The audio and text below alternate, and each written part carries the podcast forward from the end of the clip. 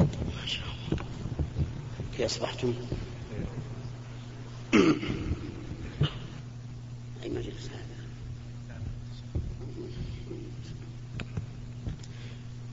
الحمد لله رب العالمين وصلى الله وسلم على نبينا محمد وعلى آله وأصحابه ومن تبعهم بإحسان إلى يوم الدين أما بعد فهذا هو اللقاء الثامن والتسعون من لقاء الباب المفتوح الذي يتم كل خميس من كل أسبوع وهذا هو الخميس الثامن من شهر صفر عام ستة عشر وأربعمائة وألف.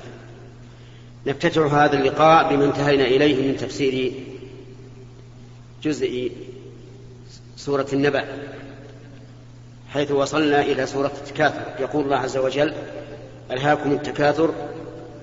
ضعيف شوي. ألهاكم التكاثر حتى زرتم المقابر. هذه الجملة جملة خبرية يخبر الله عز وجل بها العباد مخاطبا لهم يقول ألهاكم التكاثر. ومعنى ألهاكم أي شغلكم حتى لهوتم عما هو أهم من ذكر الله تعالى والقيام بطاعته. والخطاب كما تعلمون لجميع الأمة إلا أنه يخصص بمن شغلتهم أمور الآخرة عن أمور الدنيا وهم قليل. وإنما نقول هم قليل لأنه ثبت في الصحيحين أن الله تبارك وتعالى يقول يوم القيامة يا آدم فيقول لبيك وسعديك فيقول أخرج من ذريتك بعثا إلى النار. قال وما بعث النار؟ قال من كل ألف تسعمائة وتسعة وتسعون. واحد في الجنة والباقي في النار. وهذا عدد هائل. إذا لم يكن من بني آدم إلا واحد من الألف من أهل الجنة والباقون من أهل النار إذا فالخطاب بالعموم في مثل هذه الآية جار على أصله. لأن الواحد من الألف ليس بشيء بالنسبة إليه. وأما قوله التكاثر فهو يشمل التكاثر في المال والتكاثر بالقبيلة والتكاثر بالجاه والتكاثر بالعلم وبكل ما يمكن أن يقع أن يقع به التفاخر. ويدل لذلك قول صاحب الجنة لصاحبه أنا أكثر منك مالا وأعز نفرا. فالإنسان قد يتكاثر بماله فيطلب أن يكون أكثر من الآخر مالا وأوسع تجارة وقد يتكاثر الإنسان بقبيلته. يقول نحن أكثر منهم عددا كما قال الشاعر ولست بالأكثر منهم حصى وإنما العزة للكافر. أكثر منهم حصى لأنهم كانوا فيما سبق يعدون الأشياء بالحصى. فمثلا إذا كان هؤلاء حصاهم عشرة آلاف والآخرون حصاهم ثمانية آلاف صار الأول إيش؟ أكثر وأعز. فيقول الشاعر لست بالأكثر منهم حصى. وإنما العزة للكافر. كذلك يتكاثر الإنسان بالعلم فتجده يفخر على غيره بالعلم لكن, إن كان بالعلم الشرعي فهو خير وإن كان بالعلم غير الشرعي فهو إما مباح وإما محرم. المهم أن مما يقع فيه التكاثر العلم. وهذا هو الغالب على بني آدم التكاثر. فيتكاثرون في هذه الأمور عما خلقوا له من عبادة الله عز وجل. وقوله حتى زرتم المقابر يعني إلى أن زرتم المقابر يعني إلى أن متم. فالإنسان مجبول على التكاثر إلى أن يموت. بل كلما ازداد به الكبر ازداد به الأمل فهو يشيب في السن ويشب في الأمل. حتى إن الرجل له تسعون سنة مثلا تجد, تجد عنده من الآمال وطول الأمل ما ليس عند الشاب الذي له خمس عشرة سنة. هذا هو معنى الآية الكريمة أي أنكم تلهوتم بالتكاثر عن الآخرة إلى أن متم. وقيل إن معنى حتى زرتم المقابر حتى أصبحتم تتكاثرون بالأموات كما تتكاثرون بالأحياء. فيأتي الإنسان ويقول أنا قبيلتي أكثر من قبيلتك وإذا شئت فاذهب إلى القبور. عد القبور منا وعد القبور منكم فأي أكثر؟ لكن هذا قول ضعيف. بعيد من سياق الآية. والمعنى الأول هو الصحيح. أنه إيش؟ أنكم تتكاثرون إلى إلى أن تموتوا. وقوله حتى زرتم المقابر استدل به عمر بن عبد العزيز رحمه الله على أن الزائر لا بد أن يرجع إلى وطنه وأن القبور ليست بدار إقامة. وكذلك ذكر عن بعض الأعراب أنه سمع قارئا يقرأ ألهاكم التكاثر حتى زرتم المقابر فقال والله لنبعثن. لماذا؟ لأن الزائر كما هو معروف يزور ويرجع. فقال والله لنبعثن. وهذا هو الحق. وبهذا نعرف أن ما يذكره بعض الناس الآن في الجرائد وغيرها يقول عن الرجل إذا مات إنه انتقل إلى مثواه الأخير أن هذا كلام باطل وكذب لأن القبور ليس هي المثوى الأخير. بل لو أن الإنسان اعتقد مدلول هذا اللفظ لصار إيش؟ كافرا بالبعث. والكفر بالبعث رد عن الإسلام. لكن كثيرا من الناس يأخذون الكلمات على عواهنها ولا يدرون ما معناها. ولعل هذه موروثة عن الملحدين الذين لا يقرون بالإيمان الذين لا يقرون بالبعث بعد الموت. ثم قال الله تعالى كلا سوف تعلمون. ثم كلا سوف تعلمون. قيل إن كلا بمعنى الرجع يعني ابتدعوا عن هذا التكاثر. وقيل إنها بمعنى حقا. ومعنى سوف تعلمون أي سوف تعلمون عاقبة أمركم. إذا رجعتم إلى الآخرة وأن هذا التكاثر لا ينفعكم وقد جاء في الحديث عن النبي صلى الله عليه وسلم فيما رواه مسلم أن العبد يقول مالي ومالي يعني يفتخر به وليس مما لك من مالك إلا ما أكلت فأفنيت أو لبست فأبليت أو تصدقت فأمضيت. والباقي تاركه لغيرك. وهذا هو الحق. الآن أموالنا التي بين أيدينا إما أن نأكلها فتفنى وإما أن نلبسها فإيش؟ فتبلى وإما أن نتصدق بها فنمضيها وتكون أمامنا يوم القيامة وإما أن نتركه لغيره. لا يمكن أن يخرج المال الذي بأيدينا عن هذه القسمة الرباعية. كلا سوف تعلمون أي سوف تعلمون عاقبة أمركم بالتكاثر الذي ألهاكم عن الآخرة. ثم كلا سوف تعلمون. وهذه جملة تأكيد للرجل مرة ثانية. ثم قال كلا لو تعلمون علم اليقين. يعني حقا لو تعلمون علم اليقين لعرفتم أنكم في ضلال. ولكنكم لا تعلمون علم اليقين لأنكم غافلون. لا هنا في هذه الدنيا. ولو علمتم علم اليقين لعرفتم أنكم في ضلال وفي خطأ عظيم.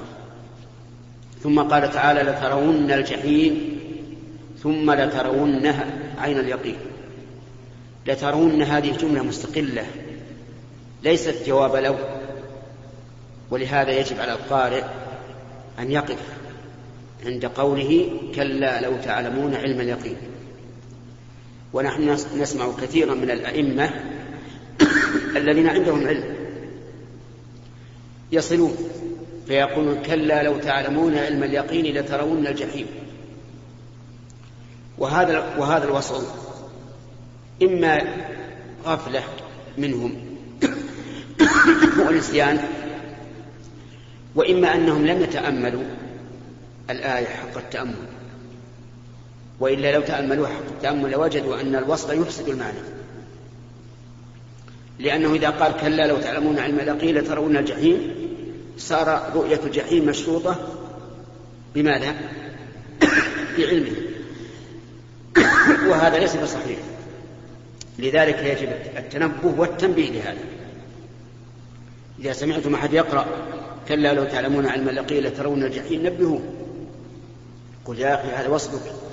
يوهم فساد المعنى وأن تقف أولا لأنها رأس آية والمشروع أن يقف الإنسان عند رأس كل آية.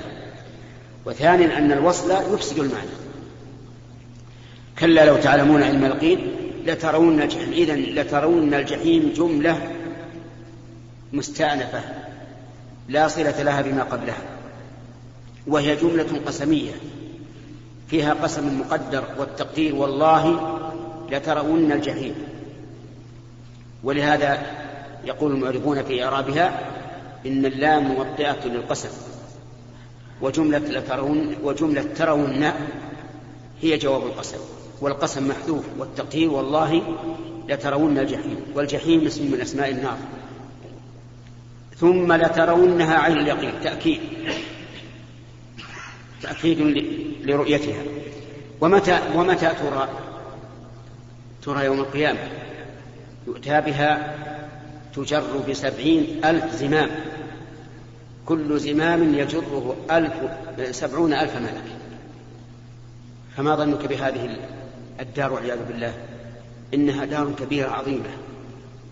لأن فيها سبعون لأن فيها سبعين ألف زمام. كل زمام يجره سبعون ألف ملك. والملائكة عظام. شداد فهي نار عظيمة أعاذنا الله وإياكم منها. لترون الجحيم ثم لترونها عين اليقين ثم لتسألن يومئذ عن النعيم. يعني ثم في ذلك الوقت في ذلك الموقف العظيم تسألن عن النعيم. واختلف العلماء رحمهم الله في قول تسألن يومئذ عن النعيم هل المراد الكافر أو المراد المؤمن والكافر؟ والصواب أن المراد المؤمن والكافر كل يسأل عن النعيم. لكن الكافر يسأل سؤال توبيخ وتقريع والمؤمن يسأل سؤال تذكير. والدليل على أنه عام ما جرى في قصة في قصة النبي صلى الله عليه وسلم وأبي بكر وعمر حيث خرجوا ذات يوم من الجوع.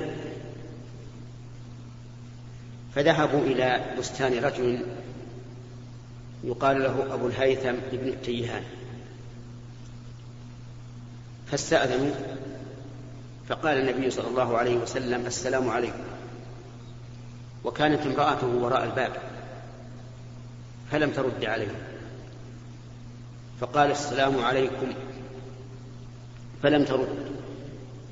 فقال السلام عليكم. فلم ترد. فانصرف النبي صلى الله عليه وسلم وأصحابه لأن الإنسان إذا استأذن ثلاثا ولم يؤذن له فإنه يرجع فلحقتهم وقالت إني سمعت سلامكم ولكني أحببت أن أن أزداد في الخير.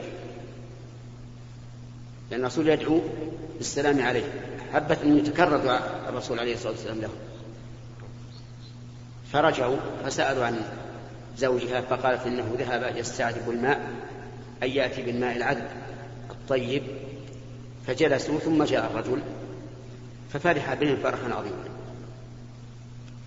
وقال إنه لا أحد أكرم أضيافا مني اليوم. ثم قطع لهم عذقا من النخل وأتى به وألقاه بين أيديهم. فقال النبي صلى الله عليه وسلم هل جنيت؟ جنيت يعني خرفت. وتعلمون أن الخراف أن يأخذ الإنسان الرطب فقط. فقال أردت يا رسول الله أن يكون بين أيديكم البصر والرطب والمذنب لأن العذق يشمل هذا وهذا ويشمل كل الثلاث. فأكلوا ثم دعوا بالماء فشربوا. فقال رسول الله صلى الله عليه وسلم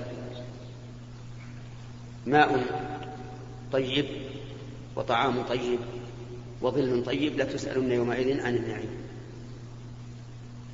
وهذا دليل على أن الذي يسأل المؤمن والكافر لكن يختلف السؤال.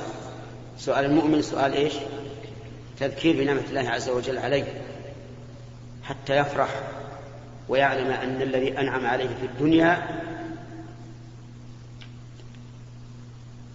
أكرم من أن ينعم عليه في الآخرة. بمعنى أنه إذا إذا تكرم بنعمته عليه في الدنيا تكرم عليه بنعمته في الآخرة. أما الكافر فإنه سؤال توبيخ وتنبيه نسأل الله تعالى أن يستعملنا وإياكم في طاعته وأن يجعل ما رزقنا معونا له معونا على طاعته. إنه على كل شيء قدير. والآن إلى الأسئلة ونبدأ باليمين.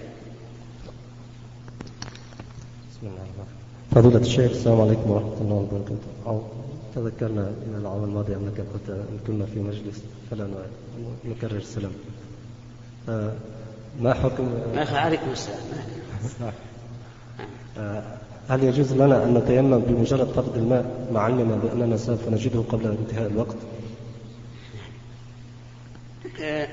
يقول الله عز وجل يا أيها الذين آمنوا إذا قمتم إلى الصلاة فاغسلوا وجوهكم وأيديكم إلى المرافق وامسحوا برؤوسكم وأرجلكم إلى الكعبين وإن كنتم جنبا فطهروا وإن كنتم مرضى أو على سفر أو جاء أحد منكم من الغائط أو لامستم النساء فلم تجدوا ماء فتيمموا. فأمر أن نتوضأ من الحدث الأصغر ونتطهر من الحدث الأكبر إذا قمنا إلى الصلاة. فإن لم نجد تيممنا فيجوز لمن ليس عنده ماء عند دخول وقت الصلاة أن يتيمم.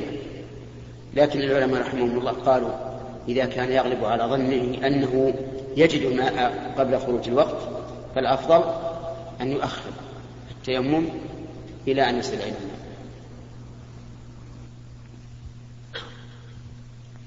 فضيلة الشيخ ما صفة التعزية؟ وهل يعزى غير أقرباء الميت مثل زملائه وجيرانه؟ وهل التقبيل أو المصافحة عند التعزية مشروع؟ وهل يعزى بالهاتف أو الذهاب إلى منزل المعزين؟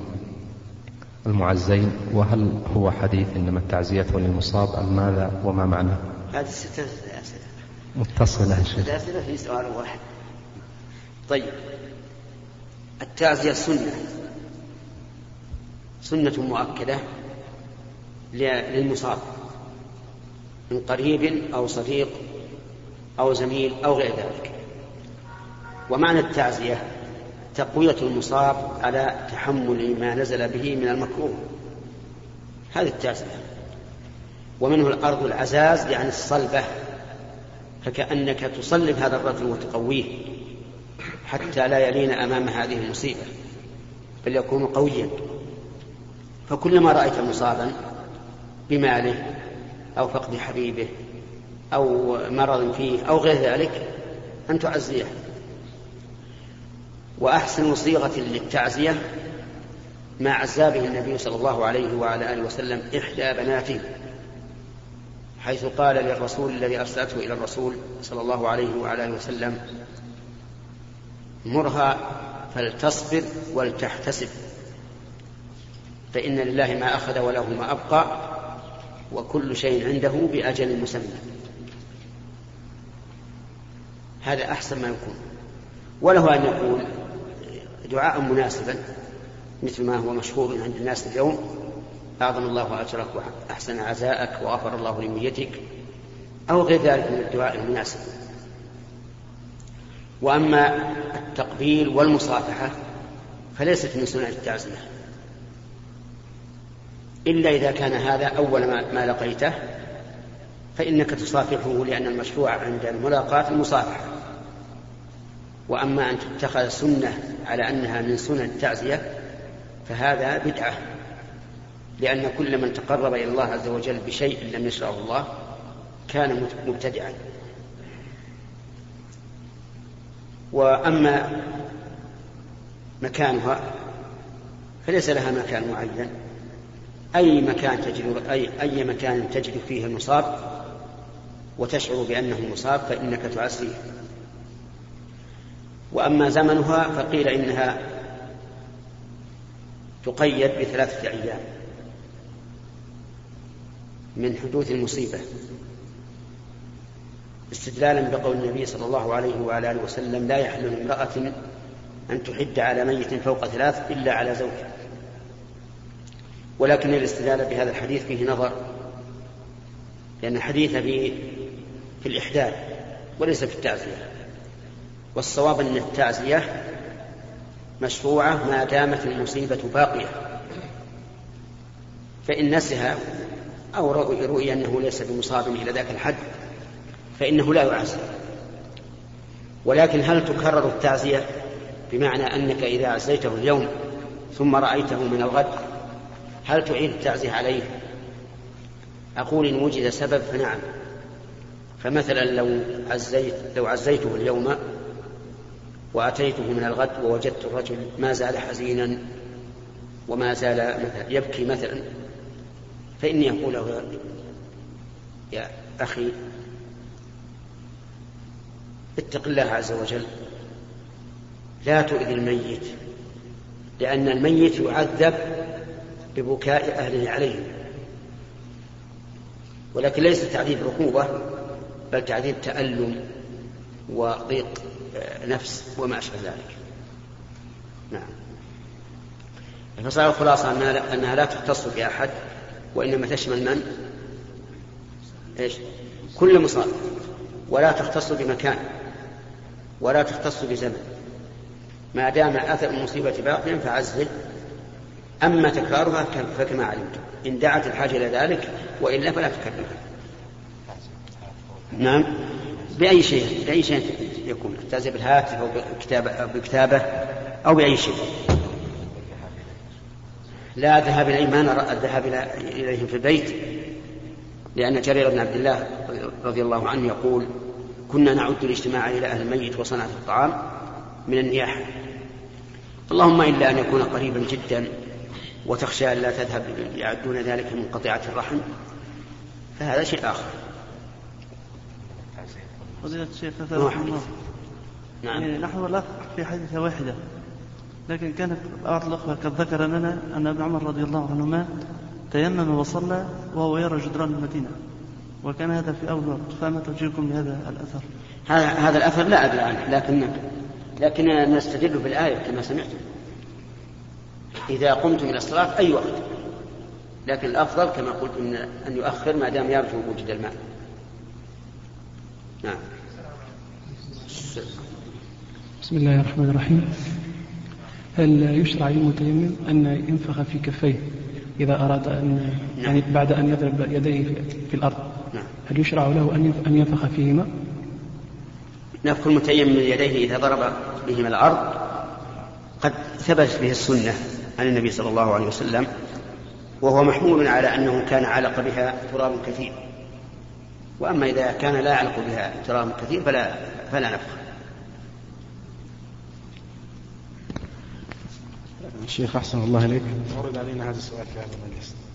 يقول فضيلة الشيخ محمد السلام عليكم ورحمة الله. أطرح عليكم هذا السؤال وأرجو منكم الجواب الجواب كتابة.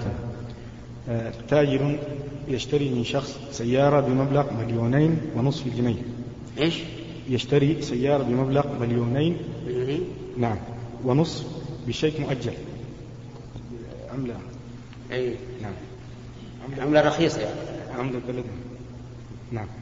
مؤجل. عملة سودانية. نعم. بمبلغ آه، بشيك مؤجل لمدة ستة أشهر أو أربعة ملايين جنيه سوداني لمدة سنة ثم يبيع السيارة بذلك المجلس بمبلغ مليون ونصف جنيه سوداني. ما الحكم في هذا البيع؟ وهل الشيك المؤجل إذا حال عليه الحول تجد فيه الزكاة علما بأن بأنه ما زال مستند في يد البائع الأول؟ ويقول ملحوظة علما بأن قيمة السيارة الحقيقية في السوق مليون ونصف. ولا لا بأس أن الإنسان يشتري شيئا سيارة أو غيره بثمن النقد حاضر. أقل مما لو اشتراها بثمن مؤجل. فمثل يقول أنا أشتري هذه السيارة مثلا بعشرة آلاف نقدا أو باثني عشر ألفا إلى سنة. ثم يتفقان على أحد الثمنين قبل التفرق لا بأس. هذا لا بأس به. وليس من باب بيعتين في بيعة كما ظنه بعض أهل العلم. بل هذا تخيير للرجل بين هذه البيعة أو هذه البيعة. وسوف لا ينصرفان من مكانهما إلا وقد عين ذلك إما المؤجل أو المعجل. وأما التحويل على الثمن بالشيك فلا بأس به أيضا. وذلك لأن بيع السيارة بالدراهم ليس فيه ربا. وأما كون المشتري يبيع السيارة بثمن أقل من أجل أن يأخذ ثمنها فهذه تسمى عند العلماء مسألة التورق إن باعها على غير الذي اشتراها منه. وإن باعها على, الذي اشتراها منه فهي مسألة العينة. فصاحب السيارة اشتراها من زيد. باثني عشر ألفا مؤجلا إلى سنة. ثم باعها على عمرو. بعشرة آلاف نقدا. هذه هذه تورط. فإن باعها على زيد الذي اشتراها منه أولا بعشرة آلاف فهذه مسألة العينة وقد اختلف العلماء رحمهم الله في مسألة التورق هل هي حلال أو حرام؟ فاختار بعض العلماء أنها حلال إذا احتاج الإنسان إلى النقد يعني إذا الثمن. واختار شيخ الإسلام ابن تيمية أنها حرام وأنها من العينة التي حرمها النبي صلى الله عليه وعلى آله وسلم. والاحتياط أن لا يفعل. يقال إذا كنت محتاجا دراهم ووجدت من يقرضك فهذا المطلوب وإن لم تجد فعليك بالسلم يعني أن تأخذ دراهم بسلعة مؤجلة. تصفها وتبين صفاتها بأن تقول مثلا أعطني عشرة آلاف ريال وأنا أعطيك آه، سيارة بعد سنة صفتها كذا وكذا وتضبط بالصفات. هذا جائز لأن الصحابة فعلوه. حين قدم النبي صلى الله عليه وسلم المدينة وهم يسلفون في الثمار السنة والسنتين فقال من أسلف في شيء فليسلف في كيل معلوم ووزن معلوم إلى أجل معلوم. المؤجل؟ الشيك المؤجل. إذا حال عليه الحول قبل أن يقبضه ولا إيش؟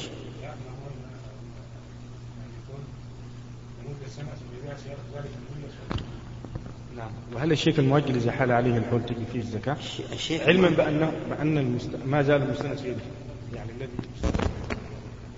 الشيك المؤجل عبارة عن أقول الشيك المؤجل آه، يعني الشيك الذي كتب الإنسان بثمن مؤجل إذا كلم صاحب البنك وقال نعم عندي هذا صار كأنه دين تجب الزكاة فيه. الحمد لله الحمد لله والصلاة والسلام على رسول الله المسألة يا شيخ آه، حفظك الله هي مسألة فهم الحجة. آه، فشيخ الإسلام حفظه الله وكذلك ابن القيم وابن العربي المالكي آه، رحمهم الله. يقول شيخ الإسلام وهكذا الأقوال التي يكفر قائلها قد يكون الرجل لم تبلغه النصوص الموجبة لمعرفة الحق وقد تكون بلغته ولم تثبت عنده أو لم يتمكن من فهمها في الفتاوى. اختلف الدارسون لكتب الشيخ الإسلام محمد بن عبد الوهاب رحمه الله في هذه القضية أيضا.